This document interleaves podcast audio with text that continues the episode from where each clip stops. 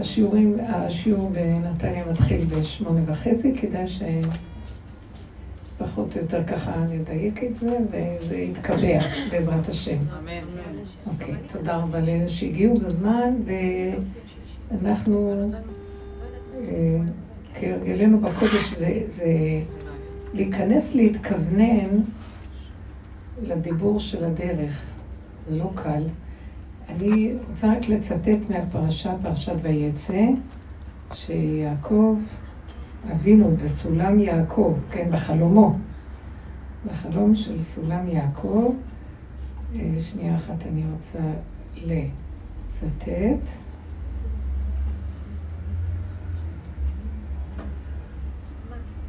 הוא אומר ככה,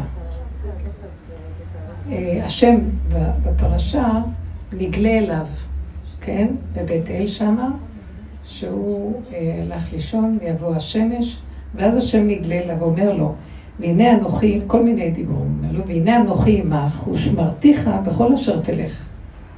והשיבותיך אל האדמה הזאת, כי לא אעזבקה, עד אשר, עד אשר אם עשיתי את אשר דיברתי לך. זאת אומרת שהשם מתגלה אליו והוא מבטיח לו הבטחה של שמירה, שמירה שאין כמוה. אני לא אעזוב אותך אני אשיב אותך אל האדמה, ואנוכי עמך, ואני שומר עליך, ולא אעזוב אותך עד אשר אני אעשה כל מה שדיברתי לך. איזו הבטחה מדהימה, נכון? ואז בכל אופן, בהמשך פסוק, יעקב אומר, אחרי שהוא אומר הכל, הוא מתעורר ואומר, מה נורא המקום ואין זה כי אם בית אלוקים זה וכן כל השאר. ויידר יעקב נדר. יעקב אבינו נודר נדר ואומר, אם יהיה אלוקים עמדי, ושמרני בדרך הזה אשר אנוכי הולך, ונתן לי לחם לאכול ובגד ללבוש, ואז ויהיה השם לי לאלוקים. כל אשר תיתן לי עשר רצון לך. לא חשוב ההמשך, אבל שמתם לב בסתירה שיש פה, אתם קולטים מה... מה יש כאן איזו סתירה מסוימת.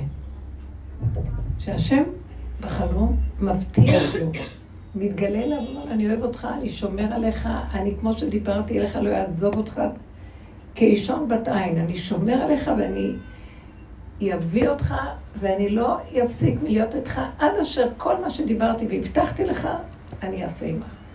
בסוף, יעקב אבינו, אחרי שהוא מתעורר ועוד נורא מה, הוא מאוד מתפעל, מאוד נבהל, איך הוא זוכה לכזה מקום, וכזה חלום, באיזה מקום קדוש, שזה בעצם מקום שנקרא הר מוריה.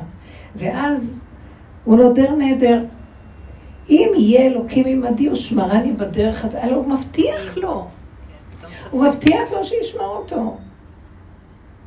אז מה עכשיו אתה נודר נדר?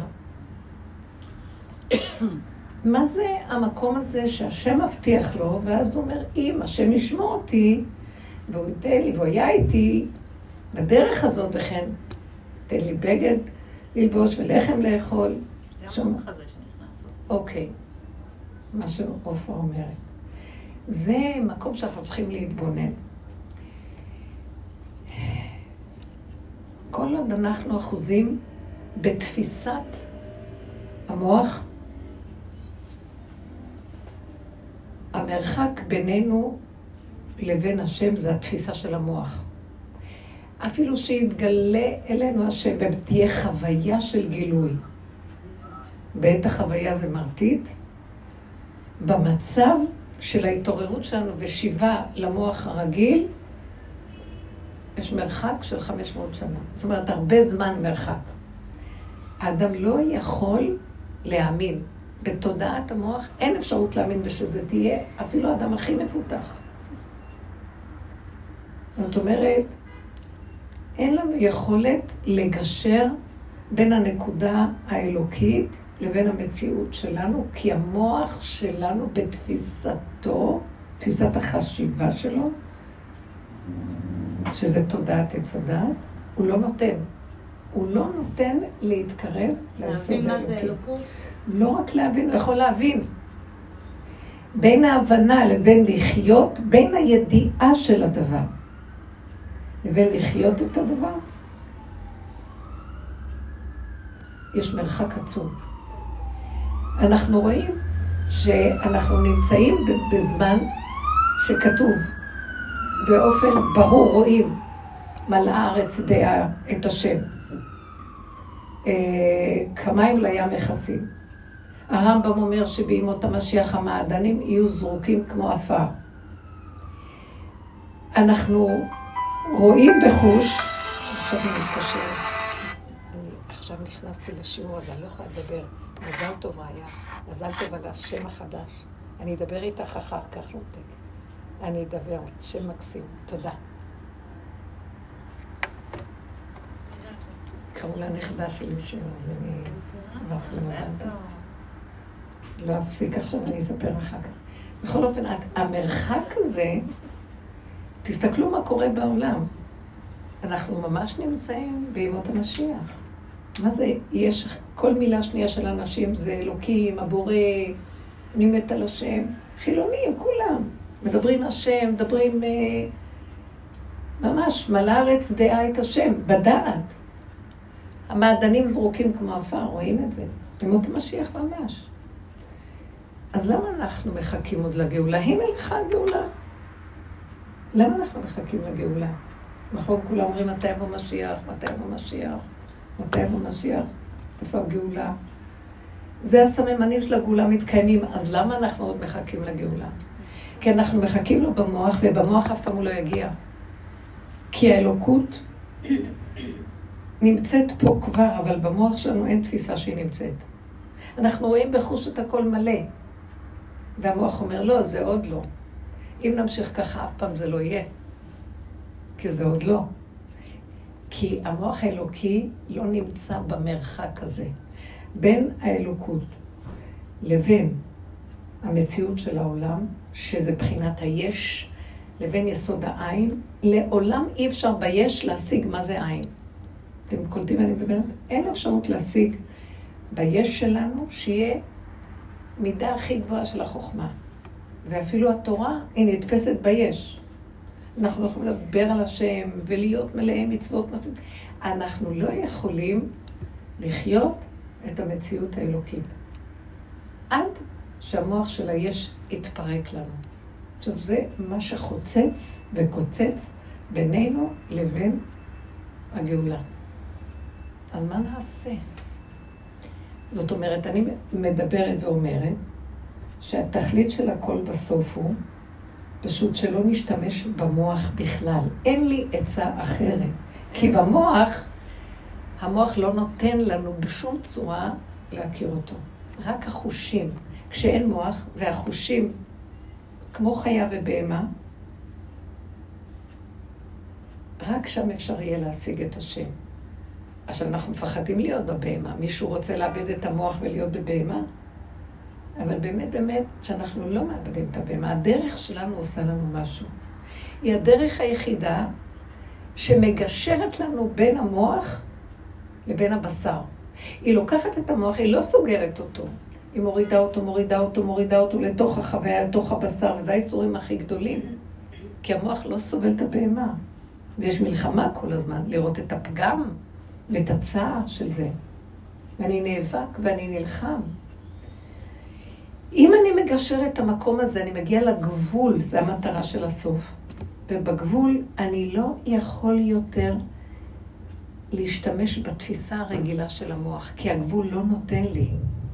למה? אני הולך עוד בעולם, והעולם זה מוח. אני רוצה להשיג, אני אגיד לך מה זה התפיסה של המוח במילים פשוטות. ספריית המוח, זאת אומרת, האלוקות בעץ הדת נתכסתה, ובמיטבו נכנס המוח, משנה למלך, בסוד הערכים הנכונים. קיבלנו תורה, ערכים. אז המוח הוא בעצם ספריית ערכים, שאם זכינו בתורה, ספריית ערכים מדהימה. ואז הבן אדם הולך אחרי הספרייה של הערכים, והערך מריץ אותו. המוח אומר לו, ערך כזה, הוא מזהה, זה טוב, הוא רץ לקיים את הערך. הוא רץ להשיג את הערך שהוא רוצה להשיג. כשהוא רץ להשיג את הערך, כי המוח רק נותן לו את הערך, אבל אין לו את הדבר, אז הוא רץ להשיג את הערך. כשהוא רץ להשיג את הערך, אז יבוא גם החלק השני שיתנגד לו, מתחילה מלחמה, כי יש ערך טוב ויש ערך רע בתוך המושג של עץ הדת. תמיד במוח יהיה מלחמה, כי יש ערך נכון וערך לא נכון, עץ הדת טוב ורע. אפילו שזה יהיה אה, ערכים תורניים גבוהים, יהיה יצרה שיתנגד. יקום הטמא ויילחם בטהור. יקום הלא נכון ויילחם בנכון, וכן הלאה וכן הלאה. וכל הזמן זה מלחמה, ואדם רץ, זה התסמונת, רץ אחרי הערכים להשיג אותם. ואין אדם מת וחצי ערכו בידו. למה? כי בין המוח שהוא רוצה להשיג לבין ידו, הוא לא מצליח לקשר את זה טוב. אז לרגע נראה לו שהוא תפס, הוא מבין, הוא עושה את זה, ואחרי רגע מתחמק לו, והיצר מפריע לו ומפיל אותו, ועוד פעם ועוד פעם מלחמה שאינה נגמרת. ככה אנחנו לקחנו את המוח הזה והתבוננו בו, מאיפה אני יודעת, שמנו עליו פנס וראינו את המהלך שלו, ראינו את ה... אה, את ה ראינו את המנגנון שלו, איך הוא פועל. והלכנו אחורה, אחורה, אחורה, כי התעייפנו ואנחנו עייפים, אבל עדיין אנחנו משתמשים במוח. הגענו למצב שעדיין אני משתמשת במוח. למשל, אני רוצה לעשות איזה משהו שנראה לי משהו נכון. יש לי רצון לעשות אותו, והוא נראה לי נכון. אני מבוררת, אני יודעת כבר, אנחנו ממומנים, זה ערך טוב. אני עושה אותו, ולא הולך לי, זה לא, לא עובד לי. עכשיו, בדרך כלל אני מאוד נשבר, ואז אני רץ לעשות אותו עוד פעם, או שאני באמת נשבר ואני מתחיל להיות מתוסכל. הגבול שלי חווה את הלא הולך. זה לקראת הסוף. אם אני, קשה לי להסביר לכם כי זה חוויה חדשה. אם אני נעצר בגבול ו, ועוזב את הצער של תפיסת המוח, שהערך הזה, שהוא חשוב, לא הלך לי. חשוב בעיניי, אבל לא הלך. אם אני עוזב את הצער הזה של המוח שעושה לי כי זה לא הלך, ואני רק נשאר בגבול שאני לא יכול להכיל את הצער, נעלם לי התפיסה, ואני רק נשאר כמו חומר גלם, כמו גולם, שצריך לעשות את מה שצריך. יכול להיות שאני אעשה עוד פעם את אותו דבר, בלי ערך, בלי שאני ארצה תוצאה לערך, בלי שום אחיזה בערך. כשאני במקום הזה בלי אחיזה לערך, מתחיל להתגלות משהו חדש. תבינו מה אני אומרת. יש כאן חום גדול, אני לא יכולה להכיל את החום. אולי אנחנו צריכים לפתוח חלונות.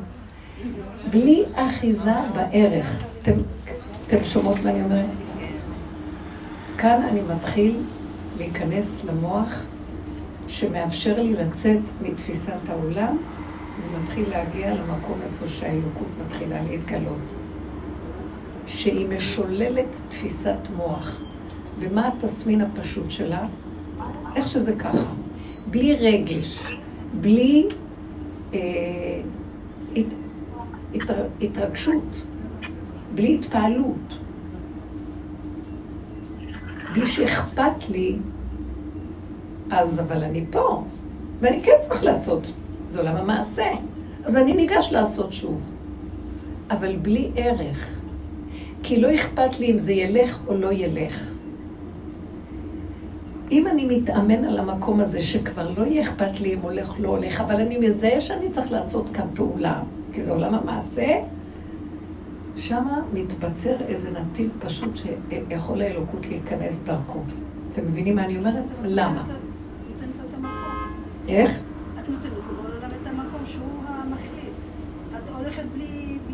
ככה זה נשמע לפי הדיבור של עץ הדת. את נותנת לבורא למקום.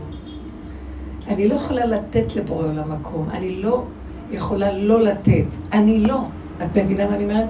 כי במוח החיובי של הצדקות אנחנו אומרים, אנחנו מאמינים לו, אז נותנים לו למלוך עלינו. זה דיבור שלנו. באמת, באמת, כל עוד יש לי מוח של העולם, ואני מזהה שאני נותן לו למלוך, אז אני לא נותנת לו למלוך. אין מוח שייתן לו למלוך. אין מוח, המוח לא יכול... המשנה למלך לא יכול לתת לו. הוא צריך אה, לבטל את המוח שלו, ואז מאליו הוא מתגלה. זה בלי ערך, בלי משמעות, בלי התרגשות. יפה. אז אנחנו אמרנו ככה, שהמוח של העולם שהוא בעצם הפעיל הגדול, והוא בעצם מה שמנחה אותנו, הוא מנחה אותנו לפי ערכים. הוא אומר לנו, יש ערך כזה, ויש ערך כזה, וערך כזה, והתורה נותנת לנו את הסוג של הערכים הנכונים, ואנחנו מבוררים דרך הערכים האלה, מה נכון, מה לא. אני רץ להשיג את הערך, אני לא מצליח להשיג אותו. נראה לי שאני תופס אותו, משיג אותו, והוא משתמט לי, ועוד פעם, ועוד פעם, ועוד פעם, ועוד פעם. בגלל שתמיד כשהוא נותן לי את הערך הנכון, יש גם את החלק שסותר את הערך הנכון ומבלבל אותי, ואנחנו במלחמה תמידית. יוצא שאני כל הזמן רודף אחרי דבר שכמעט אף פעם אני לא יכול להשיג אותו. אתם מבינים? למשל, קחו את המושג גאולה. אנחנו כל הדורות מחכים לגאולה. וזה ערך עליון. ועושים הכל כדי שתבוא הגאולה, והגאולה לא באה. משיח. כל רגע הוא היה צריך לבוא, מאז שחורבן הבית כבר הוא נולד משיח. והוא לא בא. אני מחכה לו. כי אני רץ אחרי הערך שברגע שאני רץ ומייחל לו, ואני מחבר אחד ועוד אחד שווה, אם אני אעשה כך וכך אז הוא יגיע, נעשה חסדים, נעשה משפט צודק, נעשה הכל. הוא לא מגיע בגלל שאני אחוז בתפיסה של היגיון, בתפיסה של זה שם, עוד רגע אני מגיע. אז הגאולה נמצאת פה, אם אני מזיז את התפיסה של שם, שהמוח של עץ הדת הוא תמיד שם. המוח הוא תמיד שם. אני רץ לחפש משהו שלא פה. ציפית לישועה? ציפית לגאולה? הוא לא יהיה. כי כן. ציפיתי. אני צריך להפסיק לצפות. אבל, אבל שואלים אותי אם ציפיתי, כי אני משתמש במוח, אז ישאלו אותי. וכשאני אגיד להם, כן, ציפיתי, הם יגידו וי, מצוין, שעשית מה שצריך במוח, אבל גאולה וישועה לא תקבל מזה. הבנתם? למה יעשו לי וי? כי במוח אני צריך לצפות. אבל גאולה וציפייה זה שני דברים סותרים. ואילו המוח אומר, אני אצפה, אני אקבל גאולה, ואף פעם לא תהיה גאולה מהציפייה. כי נשאר אותו המוח, כן, נשאר בעצם אותו מוח. אז גם כשמשיח מגיע, אתה עדיין עם אותו מוח שתופס את ה... את העתיד. משיח יעמוד לידך, אתה תחפש אותו שם.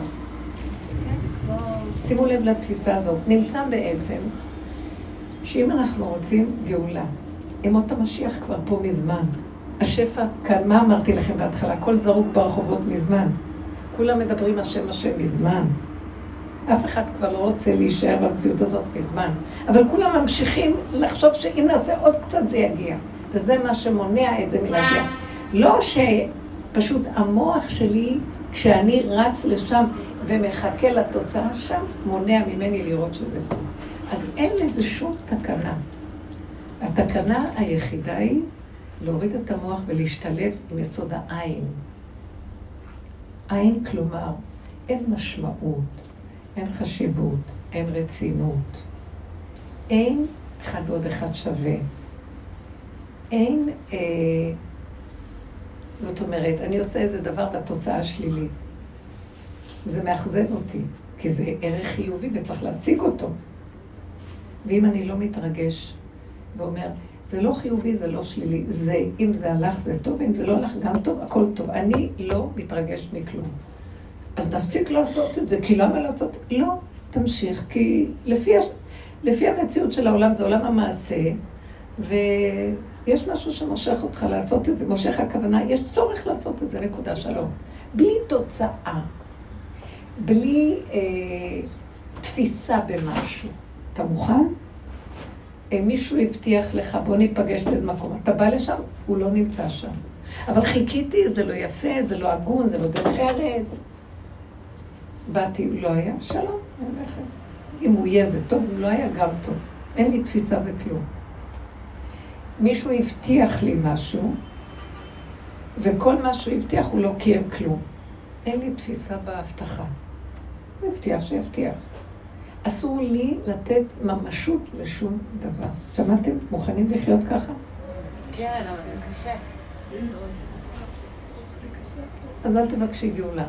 לא. כי הגאולה היא לא נמצאת בחפץ כזה או כזה. הגאולה נמצאת איפה שאין חפץ בכלום. יגיעו ימים אשר אין בהם חפץ. זהו. זאת אומרת, זה כבר עכשיו, אם את מחליטה שזה בסדר איך שזה ככה. אתם מבינים את הטריק של כל הסיפור הזה? המוח לא ייתן לנו אה, להיגאל, הוא לא ייתן לנו. ישנו, אה, אמרתי לכם שאני עולה, לה, יש מחשבה כזאת שאני עולה על הגל הזה שיש בה, יש קלפים שיש בהם ג'וקר. והג'וקר הזה הוא לא, הוא לא, אין לו תפקיד, אין לו תפקיד, אבל הוא ממלא כל תפקיד שחסר. הוא יכול להתלבש בכל דבר. זה אלוהות גם. אה? גם האלוהות אפשר לומר עליהם. בדיוק. זאת אומרת, איפה שלא הולך משהו, הוא יכול להיכנס ולסדר את זה. זה כאילו איזה משהו שבא פתאום מהצד ויכול פתאום אה, לגשר את המוח שמחכים שזה יהיה זה וזה שווה זה, והוא יגיד, לא, לא, זה לא שווה כלום, אני ממלא את החלל הזה. זה בדיוק על אותו תקן. הוא נקרא ליצן, הליצן, הוא צוחק על הכל. צוחק על כולם. אז מה אם הבטחתי? אז מה אם אמרתי ככה? אז מה אם קבענו פה? מה אתה מאמין לי? אתה מבין מה אני אומרת? אל תאמין לכלום. וכשאתה לא מאמין לכלום, אז מה, אז מה אני אעשה עכשיו? תחיה את הרגע, איך שזה ככה. מה זה משנה אם זה יהיה או לא יהיה? הערך שלי הוא כבר לא שם. הוא בנשימה שלי ובפעולה המעשית שהסיבה מסובבת לי, ואני חי אותה רגע. אז במה אני אאמין? אני לא מאמין לכלום. אני חי איך שאני ברגע הזה. האמונה היא בנשימה שלי. וזהו זה. נגמרו לי ערכים, נגמרו... יש ערכים, אבל אין לי, אין לי, אין לי יתרון בין הערך הזה לערך הזה, ואין לי ציפייה ואין לי ריצה לשום דבר. רגוע לי, טוב זה מגיע עד אליי, בסדר, קל לי, קל לי, טוב. טיפש מי שירוץ ויאבק על משהו. נגמר המאבק. נגמרת המלחמה. נגמר התלוי בדבר. נשאר פשוט, משהו פשוט. עכשיו, שימו לב שקראתי לכם מה שיעקב אבינו אומר. השם מבטיח לו את הדבר. אני איתך. הוא קם, המוח מרחיק אותו. ואז הוא נודר נדר. אם השם ייתן לי, ישמור על... השם מבטיח לו, אני שומר עליך. אני לא אעזוב אותך עד שאני אביא אותך, וגם כשאני אביא אותך, אני איתך. כשהוא מתעורר, אז הוא חייב לנדור נדר על תנאי. שאם הוא יהיה איתי, איפה נעלם, אז איפה נעלם החוויה של ההתעוררות? התעורר לו המוח. אנחנו כלואים פה בדבר שאי אפשר להכיל אותו. כל הזמן הוא מתעורר. בגלל זה אמרת שזה קשה. הוא כל הזמן מתעורר, ולמה אני מביאה את הדבר הזה? זה כאילו, אני רוצה להגיד, הוכחה, שיעקב אבינו פתאום, כשהוא חלם והוא התעורר, אז החלום היה שם. והוא אומר, אז הוא יתקיים אם אני אנדור נדר. לא, השם נתן לו את זה בלי שום דבר. וזה עבודה של המוח שנתנו לנו, שהוא כל הזמן מרחיק אותנו ונותן לנו תנאים ותלות. אם נעשה ככה ואם לא נעשה ככה, וזה וזה יהיה שווה זה, אז, אז יש תמיד פחד ששמה זה לא יתקיים. אה, כי אה, הוא פחד מי עשה. הלוא הוא הבטיח לו שהוא יביא אותו וישמור עליו. תמיד יש את הפחד, תמיד. מה גורם לאדם את המקום הזה, שהוא משתמש במוח הרגיל? עכשיו, זה, תקשיבו, אם יעקב אבינו לא יכול, אני יכולה לדבר על זה, אבל יעקב אבינו היה בתחילת הדורות. ובסוף הדורות אנחנו מגיעים למקום של אה, גבוליות. אנחנו עובדים עם הגבול, שמתם לב, אתם זוכרות? אין יכולת יותר להכיל כלום. אני רוצה לטפח את היסוד של הגבוליות, כי זו הישועה הכי גדולה שיש לאדם. אה, שרוצים לעשות משהו ומשקיעים בו, ופתאום זה לא הלך, וכל מה שהשקיעו הלך לטמיון. האדם הזה יכול להשתגע מזה. ואם הוא, הוא סוגר, מניף, הוא בגבול, והוא אומר, יש לי כוח להשתגע ממשהו בכלל? מה אכפת לי אם זה כן יהיה או לא יהיה? בכל אופן, אז אני לא אעשה. בכל אופן, באה איזו סיבה ומושכת אותו לעשייה. אז מה אכפת לו? הוא עושה את זה עוד פעם. אבל בלי לצפות לכלום, בלי להישבר, בלי לייחל, בלי... אתם שמתם לב אני אומרת? בלי התרגשות והתפעלות, אבל הוא כן פועל. אתם יכולות לצייר מקום כזה ששם אני אהיה? אני מבקשת, תבינו מה אני מדברת? תדעו לכם, הגאולה תלויה באנשים שעובדים ככה עכשיו. שהם יכניסו, קודם כל, דבר ראשון, אני לא חושבת על אנשים להציל את העולם. קודם כל, אני, אם אני לא אעשה ככה, אני אשתגע. אני לא אוכל להכיל את החיים. כי איך יכול להיות אדם כל כך משקיע במשהו, בסוף ככה זה יהיה? אה, כל ספריית ערכים מתמודדת לו. זה לא הגון, זה לא יפה, השופט כל הארץ לא יעשה משפט, מה הולך פה, לא הולך פה, טענות, מענות, כאבים, רוגז, מרירות, חולי. לא מוכן. מה יותר פשוט מאשר לעבור את כל החולאים האלה והכאבים והצער והרוגז וכל הטיפול, חס שלום, שלא ניפול לשום דבר, מה שפשוט לסגור את הספרייה ולהגיד לא היה ולא נברא. מישהי אמרה לי, כמה כסף השקעתי, מה, ככה נהיה לי? אמרתי לה, תס... אל תזכרי בכלל שהיה כסף שם. לא היה לך אף פעם את הכסף הזה. אז הסתכלה עליה, אמרתי לה, כי זה מאוד מכאיב לך וזה שובר אותך, למה לך? כי במילא אין לך את הכסף הלא. אז למה גם אין כסף וגם שיוורון נלווה? זה לא חכם. סגרי, תגידי, לא היה ולא נברא. את יכולה? לא היה ולא נברא. הבעל הרגיז אותך, לא היה ולא נברא. הילד, אה, זה לא היה ולא נברא. תתחילי מחדש, ואת מנוטרלת מההתרגשות שהמוח עושה לך של טענה, מענה, איך יכול להיות, ההיגיון נשבר לך, אה, אה, עד כדי כך שאנחנו, שופט כל הארץ לא יעשה פה משפט, איך יכול להיות? אין שאלות. אין, כי ככה וזהו. אתן יכולות להיכנס למקום הזה? זה יסוד האמונה האמיתי, כי זה לא אמונה באמת, במוח אנחנו רגילים, אני עדיין לא מאמין בכלום, אבל דבר אחד אני אומר, מה זה אמונה פה? האמונה היא שכלום, אני לא מציאות וכלום לא שלי ואין לי אחיזה בכלום, ברגע אחד הנשימה שאדם הולך ומת, אז למה שאני לא אתנהג כאילו אני מת עכשיו ונגמר הכל? ואני חי מחדש ברגע הבא, חי טוב. מה דעתכם? במקום הזה יש גאולה. אם אנחנו מתאמנים על המקום הזה, אנחנו מתחילים לעצור את מוח העולם וללכת על גל אחר. אנחנו כמו הג'וקר הזה. מה את אומרת? אני לא שומעת טוב.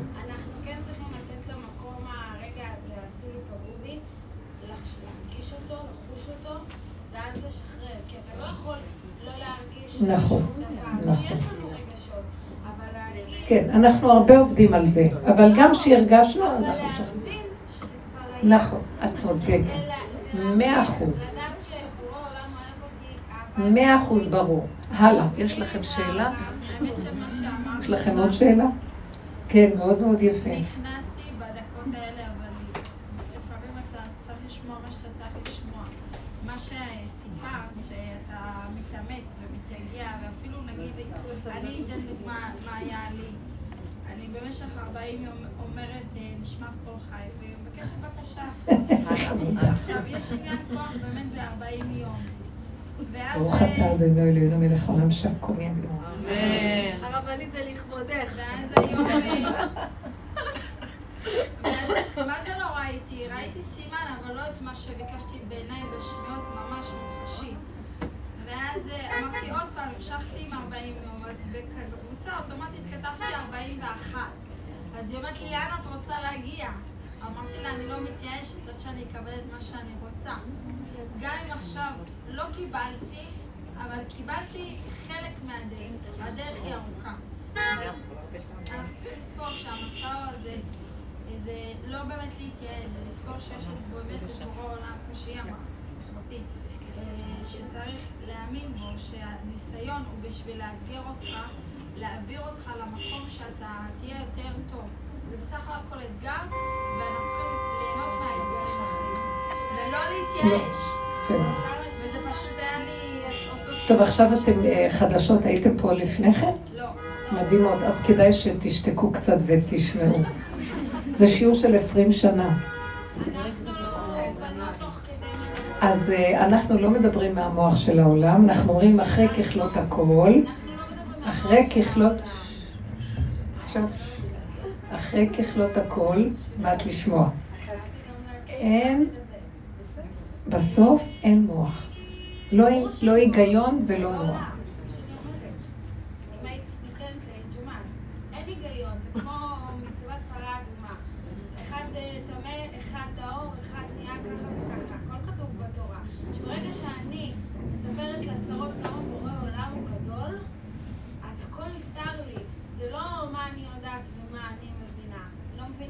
דבר, אני סומכת ופותחת ובורא עולם, נכון? שמה שהוא עושה איתי זה הכי נכון עבורי. זה לא קלישה אצלי בחיים. זה משהו שעבדתי עליו מאוד קשה, ואני יודעת את זה. בוודאות, כשאת אומרת, זה מה שרק באתי להגיד. לא מה המוח שלי, כי המוח שלי כבר, איפה שנגמר השכל, שם מבחינתי מתחילה האמונה, והאמונה שלי בבורא עולם. היא חיי היום-יום שלי והמציאות שלי ממש. מאוד יפה. מאוד יפה. אז רק באתי להוסיף. ואולי אני חדשה, אבל אני תוך כדי חייבת גם מאוד יפה. מאוד נפלא. אז, אז זה הנקודה שאנחנו באמת צריכים לתפוס אותה ולהכיר שבגבוליות שאנחנו כבר עשינו הכל ושום דבר לא הולך כפי שאנחנו רוצים, אנחנו מתייאשים מהמוח שרוצה ערך כזה או אחר, ואנחנו נשארים במקום של איך שזה ככה ונהנים וצוחקים, בלי ערך. במקום שאין ערך לכלום, יסוד העין מתגלה, ושם מתגלה אלוקות, באמת. כי עד אז עוד מוח עץ הדת מסדר בורא ואלוקות. וזה ככה, ואומר שגם יש לו אמונה, אבל ככה זה. זאת אומרת, אמונה, המבחן של האמונה זה שאני משולל בתלות בדבר, תוצאה. אני משולל מישות תוצאה. לא אכפת לי התוצאה. כי מה יתונן אדם חי? די לו שהוא חי, נושם. אם אנחנו מצמצמים את... כי המוח שלנו מלא רצונות ומלא דברים וערכים, ערכים טובים, אז הערך מוביל את האדם. הערך הוא משנה למלך, אבל המלכות בעצמה מגיעה כאשר אין ערך. נגמר הערך. אז עכשיו, מישהו יבוא ויעשה דבר שהוא הפוך מערך כזה או אחר, אני לא אדון ולא אשפוט ולא כלום. אני משקיע באיזה דבר שנראה לי אני רוצה להשיג, כמו שהיא אמרה, 40 יום, 80 יום, זה לא משנה. זה לא משיגה. היא אומרת, היא אמרה דבר, היא אומרת, אני לא מתייאשת. בעצם, ממה את לא מתייאשת? שאני אקבל את הדבר. זאת אומרת, עדיין את עושה בשביל לקבל את הדבר. ואני כאן מציעה, ואנחנו כאן מגיעים למקום, שנעשה את הדבר בלי לקבל תוצאה. מוכנים? אז שמה אני אעשה אותו? כי יש סיבה, וזה עולם המעשה, ועושים. כי נהנים מעצם העשייה, מעצם זה שהלכתי 40 יום לכותל או להגיד את הדבר, אבל לא מזה שאני אקבל איזה משהו אחר כך. שימו לב למהלך היותר מתקדם של הנקודה, כי זה לא ילך שאני אעשה תנאים. אין תנאים. אתם מבינים? זה כאילו, הקידוש של איש ואישה זה עוד תנאים. הקידוש של הקדוש ברוך הוא עם הנברא, אין שם תנאים. יש ככה, כתר, רגע, סליחה. כתר כל הכתרים. עכשיו, מה שאנחנו יכולים להגיד, השלב הבא, זה מושכל שכלי, מה שאני אומרת. אבל בעבודה הגדולה שעשינו, להוריד את המוח למטה למטה ולפרק ולראות את כל הפגמים ואת הישות הגדולה והדמיון של הישות והצער שהיה לנו מכל דבר, ראינו שכשיש צער יש אחיזה. כי אני עוד רוצה משהו ואין לי אותו, אז קשה לי. שנגיע למקום שאין לנו צער גם מהפגמים, כי גם המשמעות של פגם, אם זה חיובי, שלילי, זה לא משנה כלום. זה פשוט טבע וככה אדם נולד. אין לו משמעות שלילית או חיובית. בסוף אנחנו מגיעים למקום של גבוליות מאוד גדולה, כמו אוטיסט. האוטיסט הוא נמצא במקום הזה, זה לא משנה, זה ככה וזהו. אם אנחנו יכולים לנגוע בזה, אבל אולי פעם במדי פעם, פעם ביום הלוואי. כי אנחנו עדיין בחוק מותנה של הטבע שכל רוצ, הזמן רוצה משהו, רוצה להשיג משהו. והמקום הזה, הוא מכשיל אותנו, כי גילוי האלוקות מתגלה איפה שאין מציאות אפסות האדם. זה לא יכול להיות שאדם עוד יהיה קיים ויהיה איזה תנאי, והוא יפעל מתוך התנאי, ואז הוא יגיד בורא עולם. זה שקר, זה לא בורא עולם, זה המחשבה שלו, ומותר לנו בספריית ערכים לקרוא בורא עולם, להגיד השם, להגיד אלוקים, ולהבין, וגם לחשוב שאנחנו אה, מבינים ומכירים, אפשר. אבל לדעת באמת באמת את השם בחוויה, זה רק כאשר המוח לא יכול להיות שם בינינו חוצץ. אין דבר כזה. זה פיצוץ אטומי, זה לא יכול להיות. אין מציאות. על כן כל ההתאמנות של הסוף יהיה רק על הגבוליות, רק על המקום שאדם מוותר אה, על הכל. איך, למה שיגיע למקום הזה? כי הוא התעייף, כי הוא גבולי, כי הוא מיצה. שתינו את הכוס עד הסוף. ובסוף כבר לא אכפת לו, כן יהיה, לא יהיה, זה לא משנה לו. כי הוא לא חפץ שום דבר חוץ מאיך שזה ככה. פתאום מה שאומר לו, כאן אני מתגלה. כי זה המקום, והוא יכול לתת כל מה שאדם רוצה, או שלא, זה לא משנה כבר לאדם אם יהיה לו או לא יהיה לו, אם אתם קולטים את הנקודה. כן. לא, שאלה רבנית. נגיד, את אומרת כאילו מגיעה סיבה, ואז כאילו, יחד עם הסיבה אני אפעל. אני אשאל את השאלה עם הדוגמה, טוב? כאילו היום מתקשר אליי המורה של הבן שלי, ואמר ששוב פעם תהיה ועדה, ואני אמרתי לו, אה יופי, יופי, מצוין, תעשו ועדה. אז הוא אמר לי, את גם צריכה להגיע. אז אמרתי לו, לא, אני, אני, אני לא מגיעה. אתם תעשו ועדה, ומה שתחליטו, תחליטו, והילד הוא ילד גדול, והוא צריך לקחת אחריות על החיים שלו. אני לא באה. אז עכשיו אני כאילו שואלת, עכשיו, כאילו, הייתה סיבה שהייתי צריכה לבוא, אבל אני דחיתי אותה, אני לא רוצה ללכת. לא רוצה לשבת לשמוע שם, אין לי כוח לשמוע אותם יותר. אז כאילו... אז מה, הייתה סיבה, לא צריכה ללכת. סליחה? לא, צילמתי את השעות. אני מבקשת לא לצלם אותי, תודה. לא, לא, תודה רבה, תודה. ואז את מה? שלא יעשו. ואז? אז אני אומרת, הייתה סיבה, הייתי צריכה להגיע, התקשרו אליי כדי שאני אגיע, אבל אני אמרתי, אני לא מגיעה. אז מה? מה השאלה? את אומרת, אנ- אנחנו חיים לפי הסיבות, נכון? ומי אמר שזו הייתה סיבה? אני אגיד לכם מה נקרא סיבה. שכשהסיבה באה, היא מתאימה לי, היא זורמת אה, איתי. היא מתאימה לי. כן. זה לא התאים. בגבוליות, בגבוליות, בגבוליות הסיבה חייבת ל... ללכת עם הגבול הזה.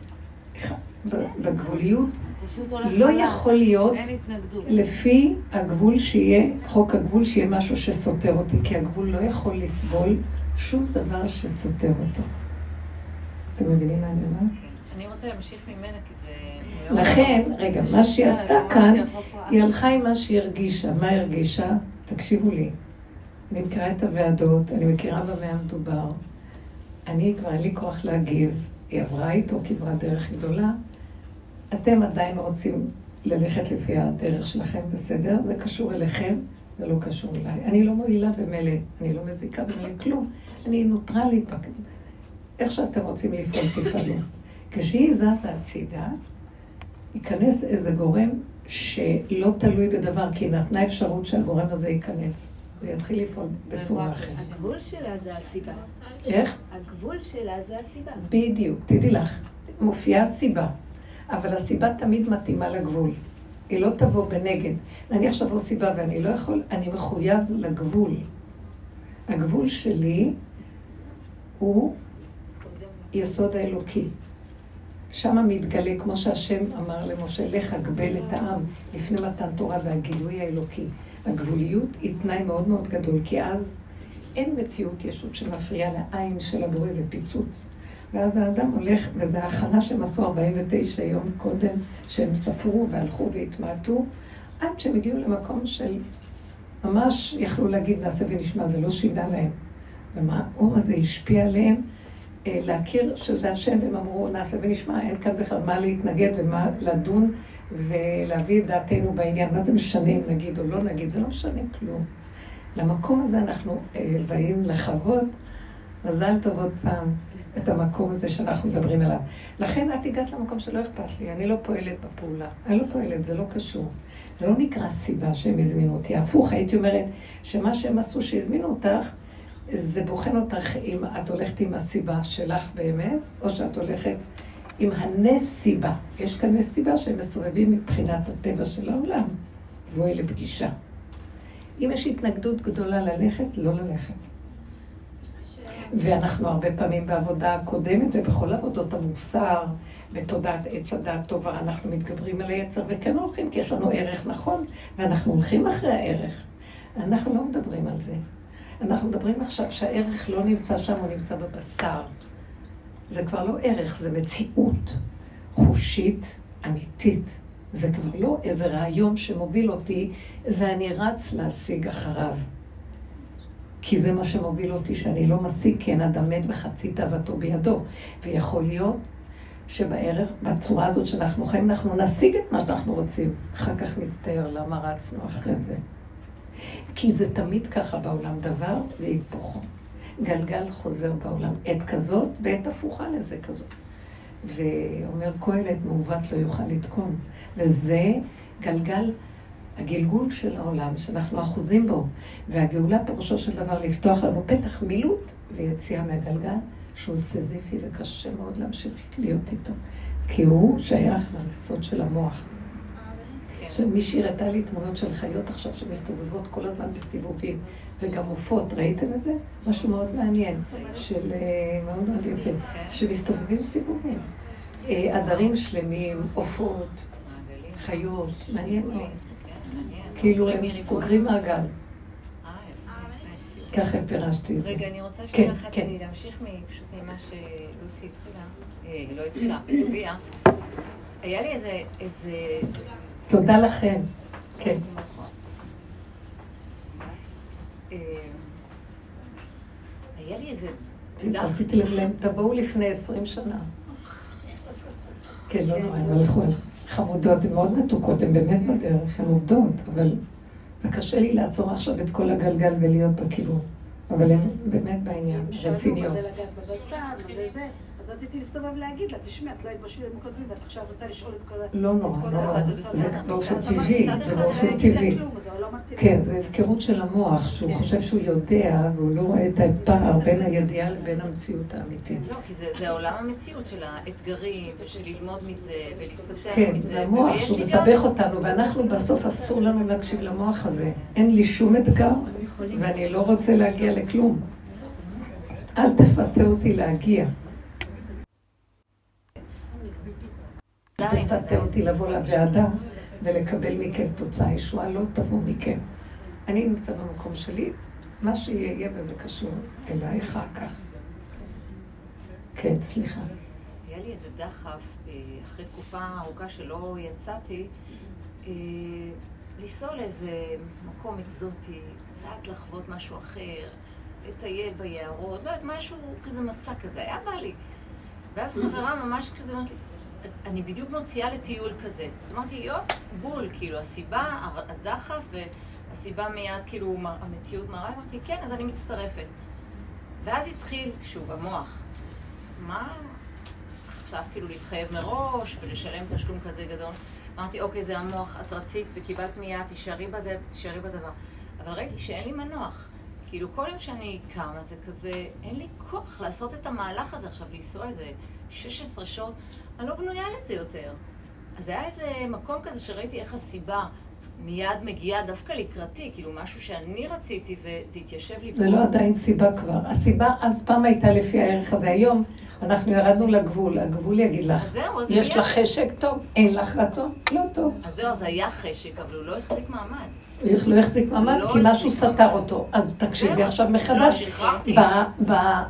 בעניין הזה של כאילו יסוד העין, הג'וקר הזה שאני אומרת, זה רגע הוא יכול לעשות ככה, ורגע אחר זה יהיה הפוך, ולא להתבלבל. תלכי לפי, יכול להיות שיתבלבל לך עוד פעם. ועד שתצאו יכול להתבלבל חמש פעמים. ירדתי מזה, אמרתי ברגע האחרון, יום לפני או שבוע לפני, אם זה אפשרי, אני מצטרפת, אני לא יכולה חודשיים מראש להתחייב על כלום. זה נראה לי כזה לא, כבר לא, לא יושב לי. מה זה חודשיים? את לא יכולה לדעת מה יהיה מחר. בסדר, זה הטיול, ככה הוא מעוגן. אבל ראיתי איך פרשתי מזה, כי הגוף שלי פשוט לא היה לי נוח בכלל להיטרטר אפילו.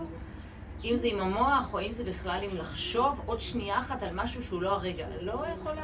ביי, ירדתי מזה. הרבנית, נראה לי שבמצב הזה, בנקודה האמיתית, יש מצב שאת אפילו משלמת את כל הסכום, ובאותו רגע לא מתאים לך ואת לא תהיי שם. נכון, נכון. אני מעריצה אנשים כאלה שהולכים, זה ההוכחה הכי גדולה, שאין שום ערך לכסף. גם, תקשיבו, זה היא אמרה דבר מאוד יפה. כן, אנחנו כאן עכשיו מדברים על פירוק מערכת הערכים, את כל ספריית הערכים.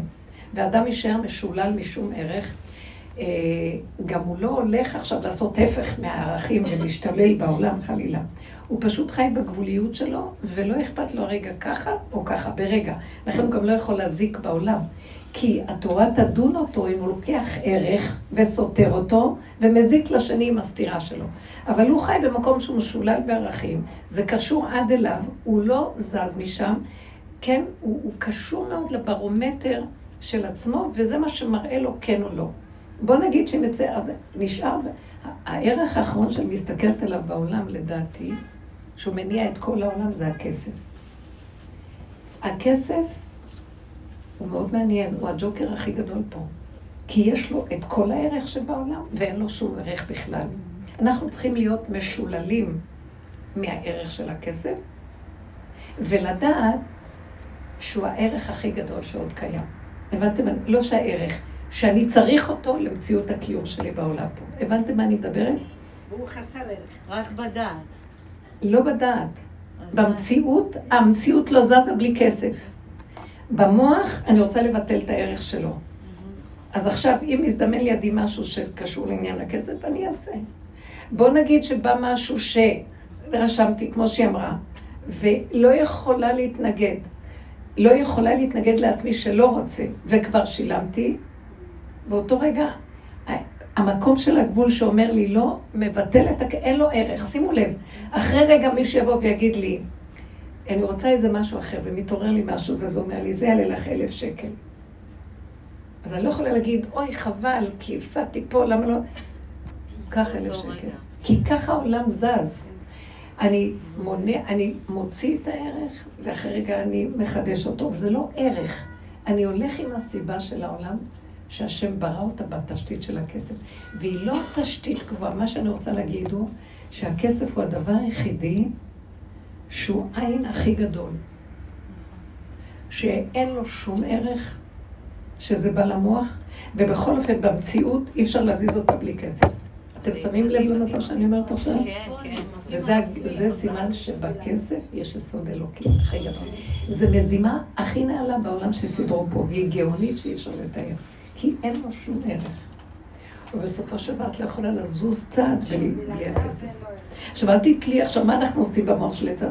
אוי, זה כל כך חשוב, בוא נצבור, כי רק ככה נזוז. לא. אני הולך עם הגבוליות, הגבוליות היא הערך הכי גדול בעצם בסוף של הכל.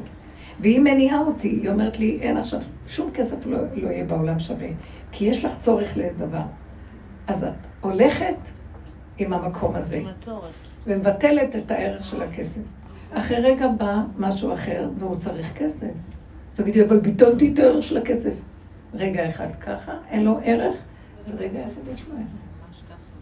זה יהיה המצב האחרון של כאילו, שימו לב, זה, זה הפירוק של העולם, כי אנחנו חיים בעולם והוא רוצה לזוז, והזוזים מניעים את העולם. אבל זה לא הזוזים, זה מה שבתוכם. לכן אם אני מה שעשה לנו עץ הדעת, הזיז את הבורא מהזוזים, והוא מזיז את זה מהמוח, הוא נותן לזה ערך. ואנחנו רוצים להזיז את הערך של הכסף ולהכניס בורא עולם שאמר, ככה זה החוק שלי פה, כסף. בלי שאני אתן לו ערך. עכשיו אני אתלבש על הערך הזה. אתם מבינים מה אני אומרת? תש... אז בסופו של דבר אני חוזרת לאותו יסוד. תשללו את המוח כי הוא, הוא, הוא יוצר הוא יוצר את המציאות וחותם עליה ערכים שונים כאלה או כאלה, ואילו אנחנו משולים, מפרקים את זה, ורק נשארים עם סיבה. שעכשיו הסיבה הביאה לי רצון, היא תביא לי את הכסף לדבר הזה. אסור לי לחשוב. אבל זה נכון. מאיפה הכסף הזה יבוא? אני זוכר שאני פתחתי את המוסד שלי של המדרשייה שהיה, ואחר כך תיכון, היה לי גם אחר כך סמינר למרות שם, הרבה, עשרים ושתיים שנה של פעולות מדהימות. לא היה לי אגורה איך להתחיל. בכלל זה לא היה, הכסף לא היה נושא. נזרקתי ופתחתי. לא היה לי, כי מה היה? הנקודה הזאת של, היה לי כזה רצון לקחת בנות ולעבוד איתן ולהציל בנות, שזה היה מה שהוליך אותי. עכשיו, לא היה לי אגורה, נתתי צ'קים שאין לי. והשם סידר את זה בצורה מדהימה. משכירות של דירה אחת נהיה אחר כך עשר דירות, נהיה אחר כך מבנה. שכל חודש זה כאילו 40 אלף דולר לחודש למבנה, אז לפני המון שנים. זה לא יאומן.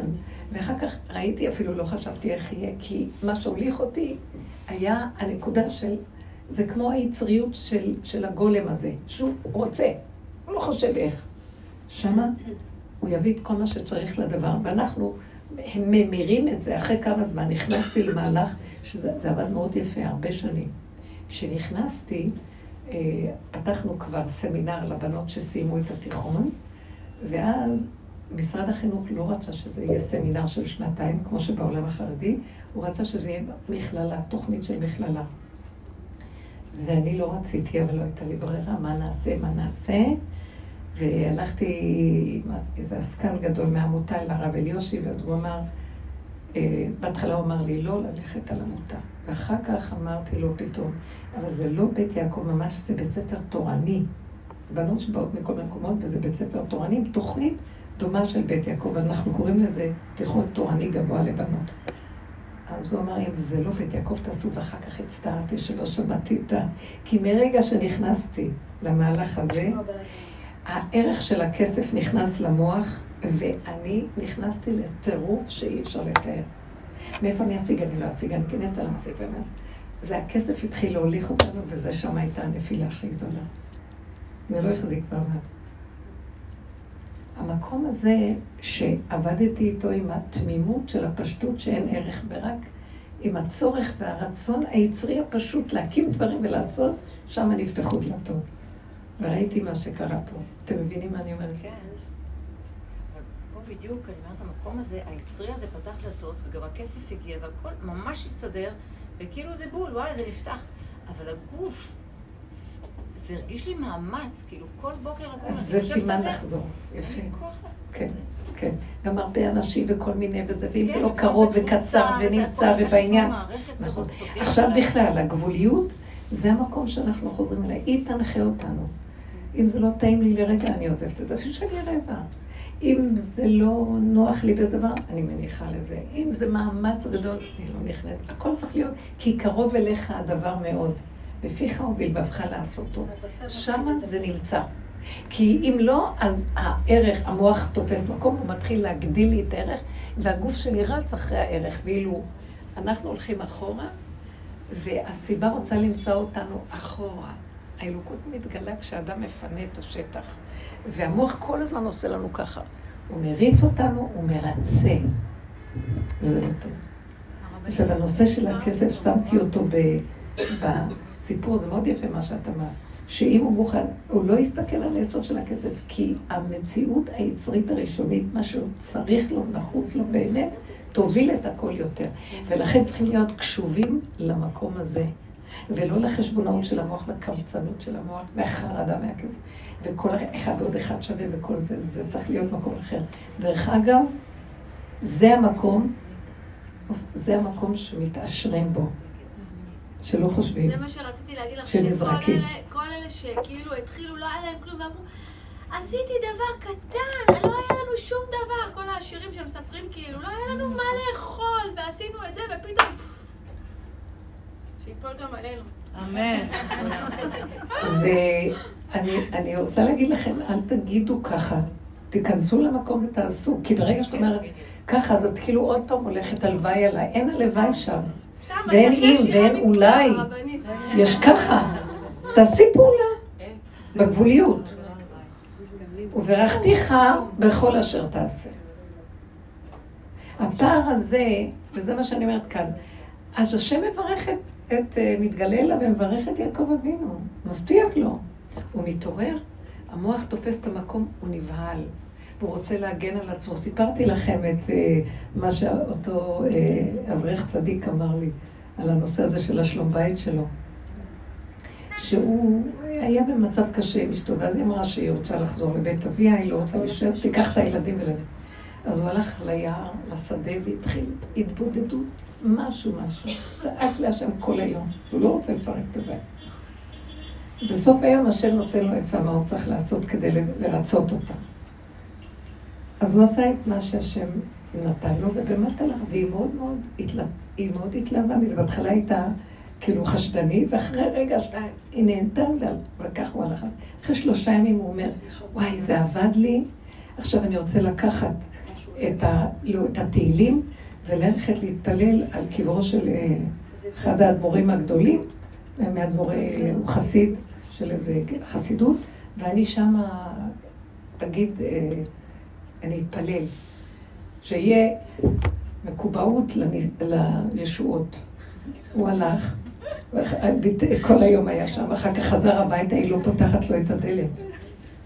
ואז הוא לא הבין, הוא צועק, והיא צועקת, והם צועקים וצועקים, לקחה את המזוודה והלכה לבית אביה.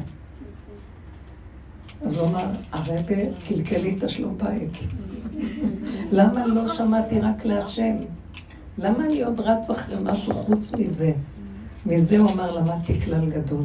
שלקראת הסוף הרוח הקודש תהיה רק במקום הזה, שהשם מתגלה שאין שכל. המצוקה של האדם שהוא מוסר את עצמו אליו בלי שכל ומוח. כאן כבר היה לי מוח, שאה, תאמור הוא כי טוב, עכשיו אני רוצה פעמיים ישועה. אז אני אלך גם לרבי ואני אמשיך את התהילים. שום דבר שאינו תלוי בסוף אני לא שאלתי, הוא רק סיפר את הסיפור. האמת שאני יודעת, אבל אני לא מעדיפה לספר. כן. גם היה לי ממש אה, ניסיון כזה, נרשמתי ללימודים. אני הכי קמצנית בעולם, וכל כך, כל כך רציתי ורציתי ורציתי, ופתאום בוקר אחד לא רציתי יותר. וביטלתי את הלימודים.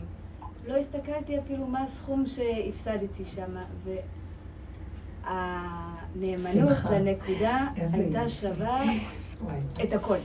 וואי, איזה מדהים זה. איזה מדהים זה, מדהים. כי זה באמת לא כסף שלנו ולא כלום, הוא רוצה לתפוס אותנו בנקודה שלנו. במילא זה בא, זה הולך, זה לא. כמה כספים עברו דרך החיים שלנו, ולא ממש היה להם אה, איזה תועלת בהשקעות או בזה, ונעלם. אם אני אפתח את המוח, אני אשתגע. נעלם כלא היה חיים טובים. לא היה לי ואין לי, אין לי ולא היה.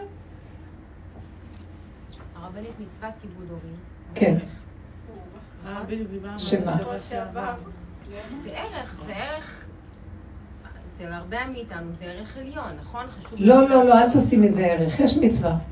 תגידי למה המצווה כמו שבוע שעבר. ערך או לא? אין לזה שום ערך.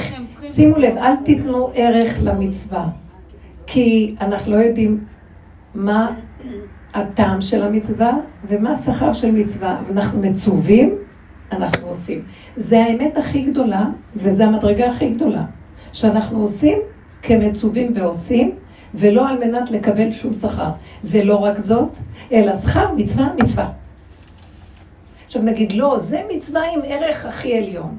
אנחנו במוח של עץ הדת, יש מה שנקרא טעמי המצוות, הרבה מפרשים קדושים, נותנים לנו ספר החינוך, נותן לנו טעמי המצוות, ויש יש שכל בעולם שאנחנו יכולים אפילו ליהנות מהאפשרות שזה הטעם, ויש מישהו אחר שיגיד לא, זה הטעם. וזה חלק איך שאנחנו ממלאים את ימי הגלות שלנו בכל המחשבות של המוח. אבל באמת לאמיתה, ביסוד התורה לשמה, אתה מצווה ועושה. איך? מצווה, בא לידך, אל תחמיצנה. כלומר, אתה לא צריך לרוץ אחרי שום דבר, זה יגיע עד אליך. ואז תעשה. אז מה קרה בסיפור הזה? אז אני יכולה להסביר את הסיטואציה. כן. אימא שלי בשבוע שעבר לקטה בליבה, התאשפזה בבית חולים. רצת מה? לקטה בלב. אוי. התאשפזה. ועשיתי באמת כל מה שאני צריכה לעשות, פעלתי על אוטומט. בבית עם הילדים, איתה, רצה, הולכת, חוזרת, עושה הכל. באחד מהימים הרופאים ביקשו שאני אמצא איזשהו מסמך אה, רפואי אצלה בבית. ותוך כדי שאני מחפשת, שהיא מכוונת אותי איפה לחפש, כאילו לא חיטטתי או משהו, נופלת עליי אה, אסופה של אה, מכתבים שממוענים אליי. שהיא ציפתה שב-120 אני אשב ואני אקרא, וכאילו הכל שם זה מר גורלי והעולם, ותדעי ומה עברתי ומה עשיתי.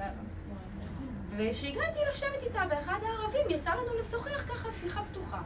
ושאלתי אותה, כאילו, למה, למה את משאירה לי את זה? מה התכלית? רציתי לדעת אם במקום הזה של מה שאמרתי, היא הבינה, כי הייתי מאוד החלטית, וכשהיא השתחררה, היא חזרה הביתה אתמול, היא אמרה לי, אני, אני הולכת לזרוק את הכל לפח. אין בזה טעם להשאיר אותך כאילו עם עוד כאב בנוסף לכאב, או שאת תיסי את המסע הזה אחר כך איתך. רציתי לדעת אם במקום הזה, אולי זה שהרגשתי שאני זרקתי את הערך, כמו שאת אומרת, והייתי נאמנה לנקודה שלי, אם עשיתי משהו שהוא לא נכון. חס וחלילה. לא ראיתי איפה כאן לא כיבדת אותה. את פשוט פתחת את הנקודה, והיא ראתה שזה נכון, לא צריך את זה בכלל. והיא על דעת עצמה החליטה לזרוק, ולא סתרת אותה. רק פשוט העלית דבר שהוא יהיה יותר מאוחר, העלית אותו מוקדם, והיא לבד החליטה שאין בזה שום תועלת. מה זה קשור? את לא עשית שום דבר שסתר אותה, או הציב אותה, או שהתחצף אליה, או משהו כזה שצייר אותה. היא בעצמה ראתה ש... אבל מצד שני, כשאת פותחת כזה דבר ושואלת אותה, מה הצורך במכתבים? יש כאן משהו שזה אולי, יש כאן נקודה. היא כתבה כדי לפרק את הכאבים שלה. זה חשבתי בדיעבד. אז תני לה את המקום הזה. כשאת מקבלת אותם, את גם לא חייבת לקחת אותם עלייך. זה היא רצתה לפרק, זה עזר לה רגשית, נפשית. אי אפשר להגיד לבן אדם, תחנק, מה זה יועיל לך? תן לה, זה ביטוי של המציאות שלה, והיא מבטאה את עצמה. בדבר הזה היית יכולה כאן ללמוד שדקות יותר עדינה במהלך אה, הרגישות של הנפש. מה ששייך לשני לא קשור אליי. לא, נכון שהוא כותב את זה לי, אבל הוא מבטא את עצמו. עכשיו, כשזה מגיע אליי, אני לא צריכה לקחת את זה אישי, אני צריכה רק להבין שהיא פורקת ומספרת את הכאבים שלה. ואפילו אם יש לה טענות, תני לה רשות לטעון טענות, תני לה רשות להגיד את הדברים. את יכולה רק דבר אחד לקחת ולהגיד, נניח אחרי 120, וטוב שזה קרה עכשיו, ואת עומדת מולה. את יכולה להגיד לעצמך, היא צודקת, אבל זה מה שאני ואני לא יכולתי אחרת. היא נשארת במקום שלה ומקבלת פורקן לכאבים שלה, ואת מביאה את הכאב שלך להשם, ואת אומרת, אבל אין לי שום טענה על עצמי גם, כי אי אפשר היה אחרת. אז זה מאוד יפה, כי גם היא מספרת את הנקודה שלה, כי היא לא יכולה אחרת. וגם את באה עם הטענה הזאת, לא אליה, ומתחילים להתקוטט למה ואיך, וזו השטות הכי גדולה. אחד מבין את השני, היא, היא לא צריכה להבין אותך, את צריכה להבין את הנקודה הזאת. גם זה לא להבין אותה, זה כאילו לגונן על עצמך ולבוא מול בורא עולם. עכשיו, אני לא רואה מה עשית כאן משהו שלא של כיבוד הורים, ומה גם גרמת לצער, וגם לעצמך לא גרם צער. זה נפלא, זה נהנה, זה לא חסר, זה שלמות העולם. אם היינו ככה עובדים, העולם היה מגיע לאחדות מדהימה. ותלכו בדרך הזאת, אם מישהו מבטא את עצמו. וזה נראה לכם קשה הביטויים האלה. הרבה פעמים, אם את הולכת לגבול שלך ואת מורידה ראש, וזה כל התכלית של העבודה, לא להגיב, לא לכעוס למה השני כך, כי השני מבטא את עצמו, ויש לו אולי מסקנות חפוזות או כל זה, אבל תקשיבו, אל תהיו מאוימים מזה, כי באמת, באמת, באמת, תודו באמת, אני גרמתי ולא יכולתי אחרת. גם זה המוח שלה שפרש אותי ככה, וגם אני מפרש ככה אנשים, כי זה המוח של העולם. תתחילו להבין שאנחנו תקועים במעגל נוראי של מוח שמסכסך אותנו, ומלאה אותנו, ומעביד אותנו, ומקשה עלינו, וגומר עלינו, וממית אותנו, מחיה אותנו, מגלגל אותנו, וחוזר לגלגל אותנו. והוא המקטרג הכי גדול שלו בעולם ששמו לנו. ואנחנו צריכים להפסיק להתייחס אליו. זה, זה גם כן הפסקה להתייחס. כלומר, לא אדון אותה ולא אשפוט אותה, ואתן לה לבטא את עצמי. לא אדון את עצמי ולא אשפוט את אותה. זה הג'וקר נכנס פה, היסוד של העין. כי הוא צוחק על הכל. כי זה כאן לא נורמלי מה שקורה פה. שמתם לב? והוא לוקח את ההוא רציני ואני מסתכלת על האימא ואני אומרת, אני מכירה אותה ואני יודעת, היא עברה חיים קשים. אה, אז היא רוצה לבטא את זה. אני אפילו הולכת לבכות, כמה שזה לא קל לחיות פה ולעבור את כל מה שעובר. וגם מצד שני, אני גם מבינה אותך, ואז אני אומרת לה, תני לה, ומצד שני, אז אני לא אשמה. למה את לוקחת את זה על עצמך? אף אחד לא אשם כאן.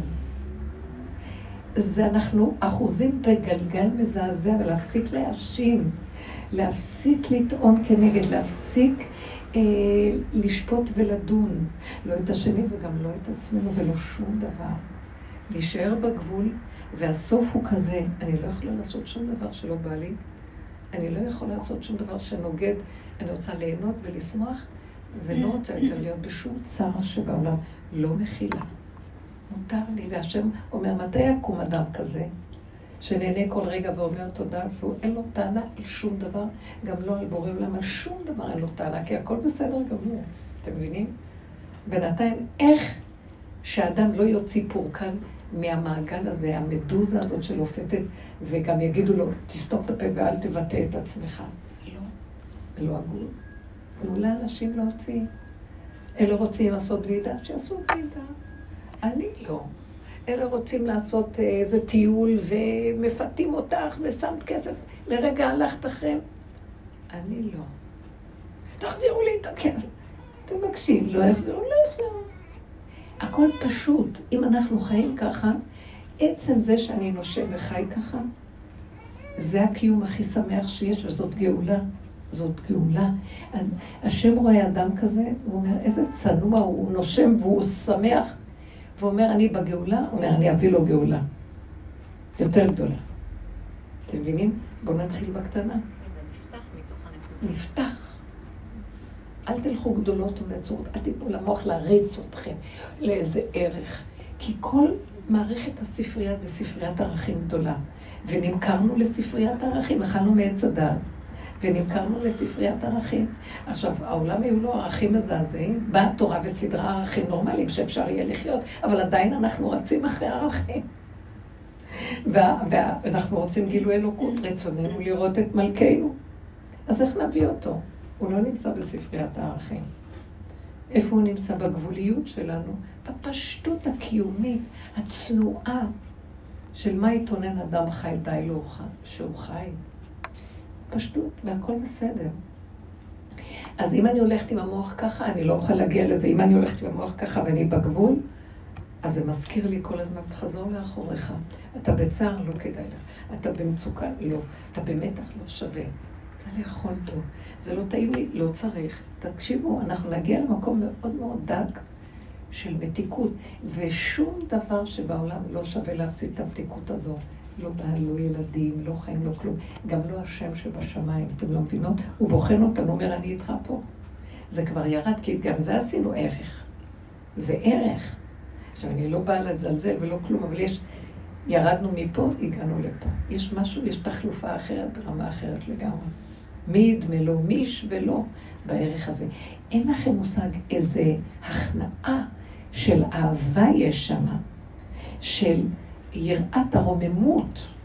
זה לא יראת הפחד והעונש, זה יראת החרדה והתסכולים של החיים. זה יראת הרוממות. זה אהבה שממלאה את הלב של הכרת הטוב, שום ערך שבעולם לא יכול למלא אותה. ברמה הזאת תתחתנו, ברמה הזו יהיה ילדים, ברמה הזו יהיה זה וזה הכל שווה. אין ערך לילדים בפני עצמם, אין ערך לזוגיות בפני עצמם, אין ערך לכסף בפני עצמם. אמנם הכסף חשוב, הזוגיות חשובה. הכסף הוא יותר חשוב מהזוגיות.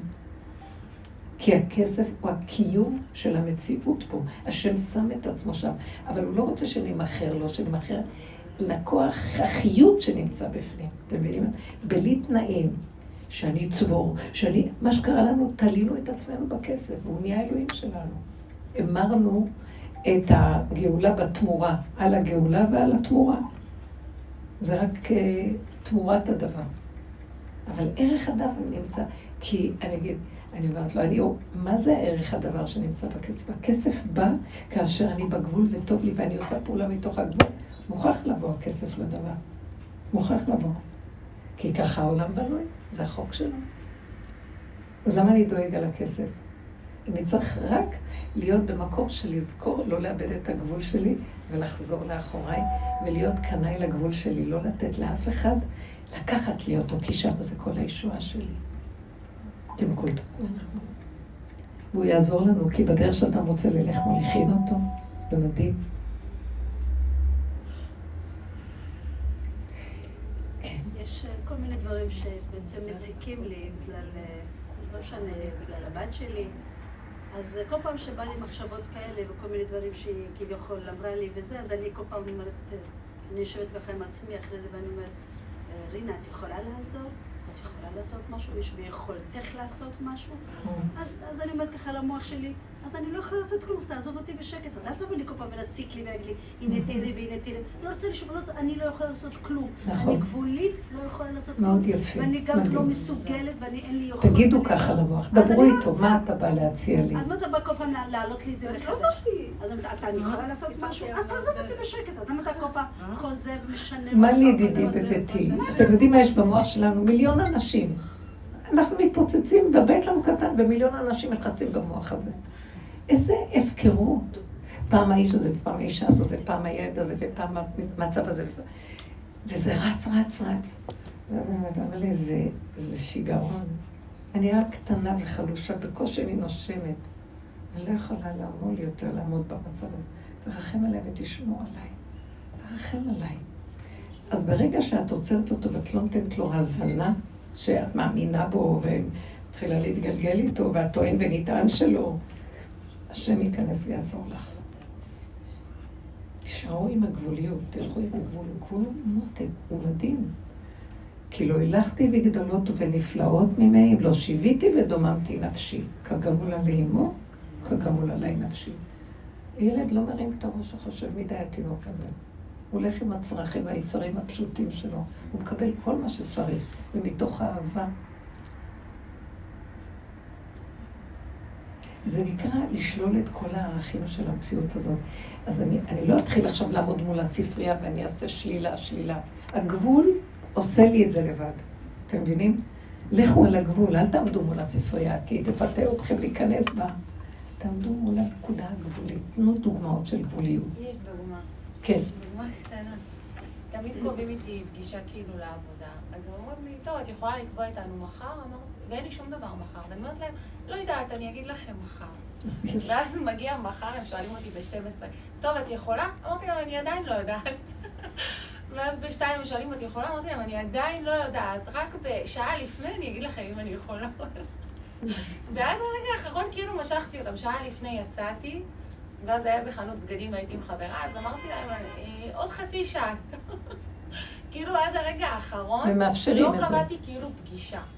וכאילו המוח שלי? השתגע שלא כאילו... אה, אני מאוד נהנית מהסיפור שלא, שלך. שלא... היא מדהימה. היא בת חורין אמיתית. ומהבוקר המוח שלי אומר, טוב, תקבעי פגישה ותתחילי את היום, ולא הייתי מסוגלת. פגישה של עבודה. כן, פגישת אני עבודה. אגיד לכם את האמת, תקשיבו רגע, זה... אם היינו עובדים ככה והולכים קודם כל שאנחנו רוצים, ולא נבהלים ולא פוחדים, אלא הייתי הולכת עם מה שנעים לי ונכון, הוא היה משחרר אותנו מהעבדות הנוראה של התפיסה של החיים פה בעולם, שלא, אני אפסיד אם אני לא אעשה ככה, אז אני...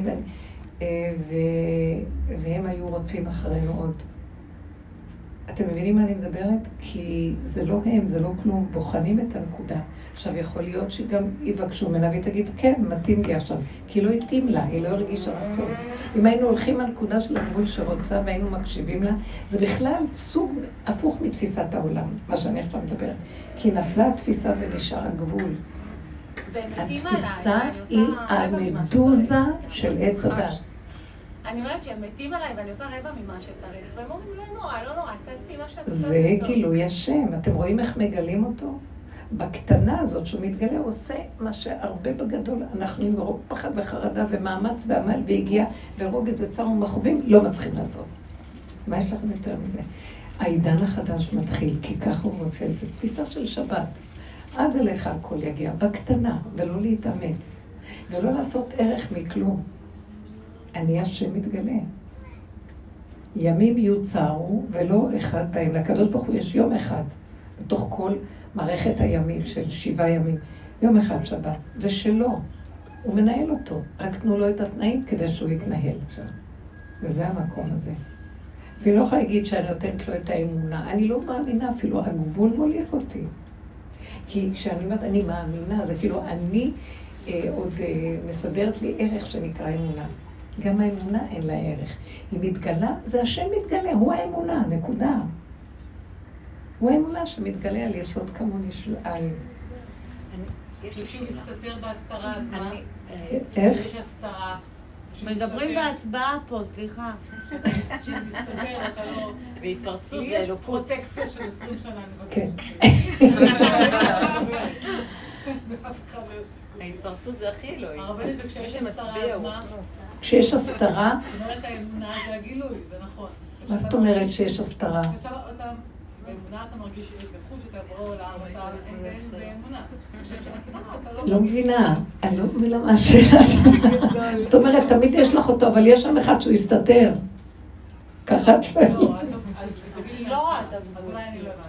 אמרת אמונה זה גם ערך מאוד מאוד גדול. מה אמרת משפט? לא, אני אומרת שהאמונה שלנו היא גם ערך בספרייה. ואנחנו סוגרים את הערכים האלה.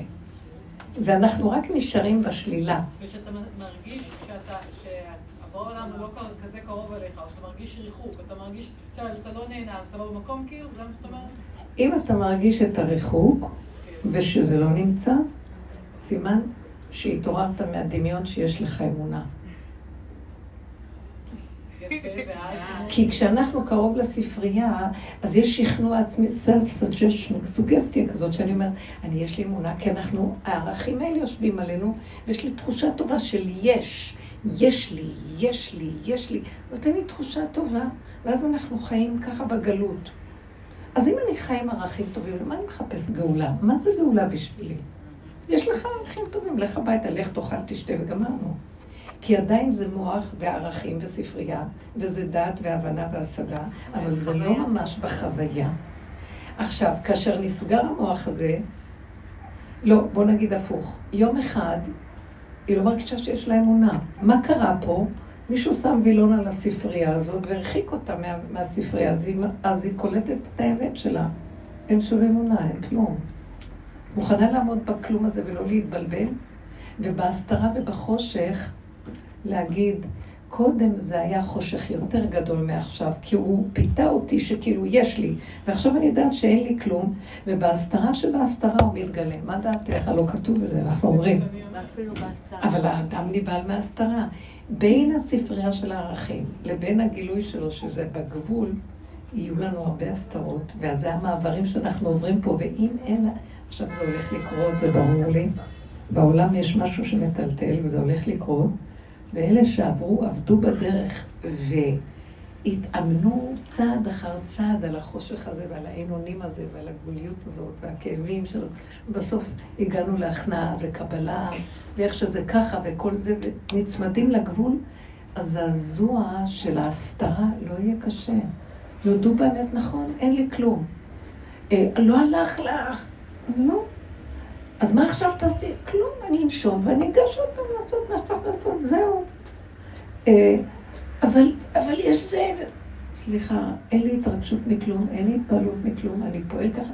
תקשיבו, העולם לא יוכל לעמוד בזה, כי הוא מותנה בהתפעלויות, בהתרגשות. זה מה שמזיז את הבני אדם. אנחנו במקום שאומרים, לא, לא, אנחנו בהתאמנות שהפוך. אם אני מתרגשת, אני אומרת, תעצרי, את הולכת למכור את עצמך עוד פעם ועוד פעם, השד הזה יתפוס אותה. לכי ברגיעות הפרטית הקטנה, עקב בצד גודל. קטן, קטן, קטן, ילך טוב, לא ילך גם טוב, הכל טוב, ולא רוצה לחשוב על תוצאות. כי עצם הדבר שאני עושה טוב לי וזהו. כי זה הסיבה, וזה נעים לי, והרגע טוב לי, ומה אכפת לי, מה יהיה אחר כך? אנחנו מאמנים את עצמנו למצב חדש. האדם הזה הוא כל הזמן בהסתרה, הוא מסכים לה. ועד שההסתרה הזאת פתאום הופכת להיות, מה, מה הופך להיות? בתוך ההסתרה הזאת יכול להתגלות לו אור מתוק. משהו פתאום, אני עוטף אותו בכזאת אהבה, לרגע והולך. תודה. כל דודי דופק. הוא התגלה לשנייה והלך. וככה זה מתעצם. אבל זה שהזיזו לו את הווילון, פתאום מתערער, והוא יאבד את הצפון, והוא יחשוב, מה קרה לי? השם נעלם לי. וירוץ לעשות 40 יום ו-500 פעם, זה, זה לא הזה. מבינה? אנחנו מתאמנים על ההשלמה והכנעה. בהמות הייתי עמך, דוד המלך אמר. הוא התאמן גם. שום דבר לא הלך לו, השם סגרנו וסגרנו וסגרנו. ואין עכשיו מוזר, בריאות, מוזר הייתי לאחי ונוחי לבני אמי. של תפיסת העולם הכוונה. ואני בתפיסה אחרת, הוא אומר. והתפיסה הזאת, השם מראה לי שכלום לא, אז אני משלים ומקבל כי ככה רוצה, מה אכפת לי? פתאום שללתי את כל הערך שמאחורי הערכים, החשיבות וה, והמשמעות שמאחורי הערכים. נהיה לי, כך הוא אומר, חירות, נהיה לי רגיעות. איזה כיף זה אדם שלא אכפת לו, והוא פועל, מה אכפת לו? והוא כמו ילד קטן, אין לו טענות. כי עוד המרירות, למה לקחו לי, זה עוד חלק מה... מה... אה, אה, שאדם מתפעל, רק בשלילה. לא זה ולא זה, לא גאווה ולא ייאוש ולא מרירות ולא כלום ולא סיפוקים ולא ריגושים. שקט, נקודה אמיתית. חיות, דופק. תקשיבו, גאולה לא יכולה לבוא בלי שניגע בנקודה הזאת. כי היא, היא יכולה, הגאולה יכולה להביא תועלת רק לאדם שנמצא במקום הזה. אם לא, הגאולה הזאת תבוא וזה פיצוץ אטומי. לא נוכל להכיל אותה. תבינו מה אני אומרת. קודם כל בגלל שהיא קטנה ולא נוכל לסבול את הקטן הזה. וזה זה לוקח, זה תהליך של עיבוד אה, אחיזה. אה, התפיסה של המדוזה, תשחררו תפיסה. זה בסדר, אתם מבינים מה אני מדברת? זה תהליך. אז אם במקום לשחרר את העבודה, את הערך של העבדות והממון שנלווה, והחשבונות, זה וזה שווה זה, אומרת, לא. למה את מש... לאיזה, מה המרת את זה, באיזה ערך? אני עכשיו בחנות בגדים. תגידי, את שפויה, מה קרה לך? כי ספריית ערכים היא... אמרת, לא, לא, אבל זה מה שליבי מושך אותי. פעם היינו בספריית ערכים, לא סובלים דיבור כזה. מה, אין לך שכל? השכל צריך להתגבר על הכל, והשכל הנכון מוביל. עכשיו לא, נגמרים הזכלים, נגמר, הוא לא מוביל. מה מוביל אותי? היצריות הקטנה, בהמות הייתי עמך, רץ אחרי זה.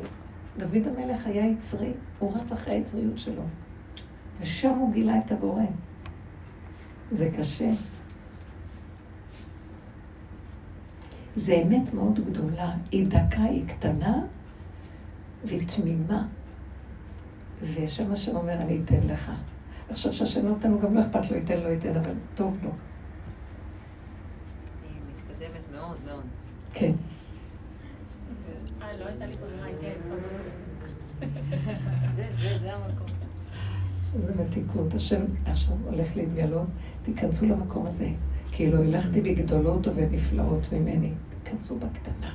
לכו עם הגבול, ותורידו ראש. וגם תהיו בשמחה, כי זה הג'וקר, תצחקו על הכל, כי זה אחיזת עיניים לא נורמלית.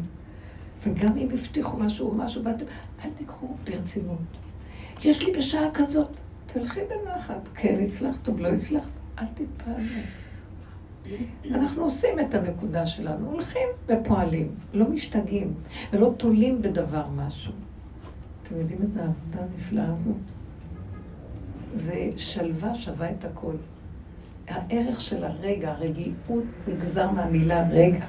תהיו ברגע שהוא מתגלה. הכל טוב.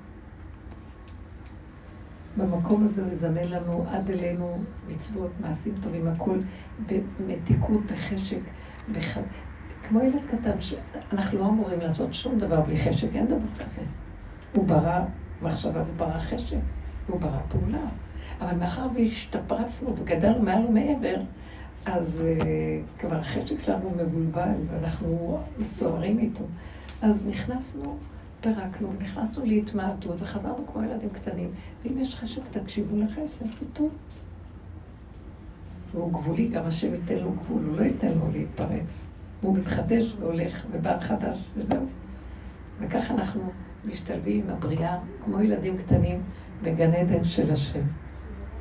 תודה רבה לכם. אנחנו הרבה שעות כבר פה. אה, כדאי שנגיע מוקדם בזמן. שמונה וחצי, זה בסדר לכם? טלו, שאת ידעת שזה בשמונה וחצי מתחיל? זה כמו הכסף, מי סופר את הזמן? מגיעים זאת אומרת, התכלית שהמוח שלנו ייכנס לגבול ולא יהיה פער בין המוח לגבול. זה מה שהתכלית, ושם הוא מתגלה. אנחנו לא סוגרים סתם את המוח ובורחים, הוא ירדוף אחרינו, הבאנו אותו. הורדנו לו ראש, מה שנקרא. נשים לו הרקה לתוך הבשר. הגבול ידבר. תודה רבה.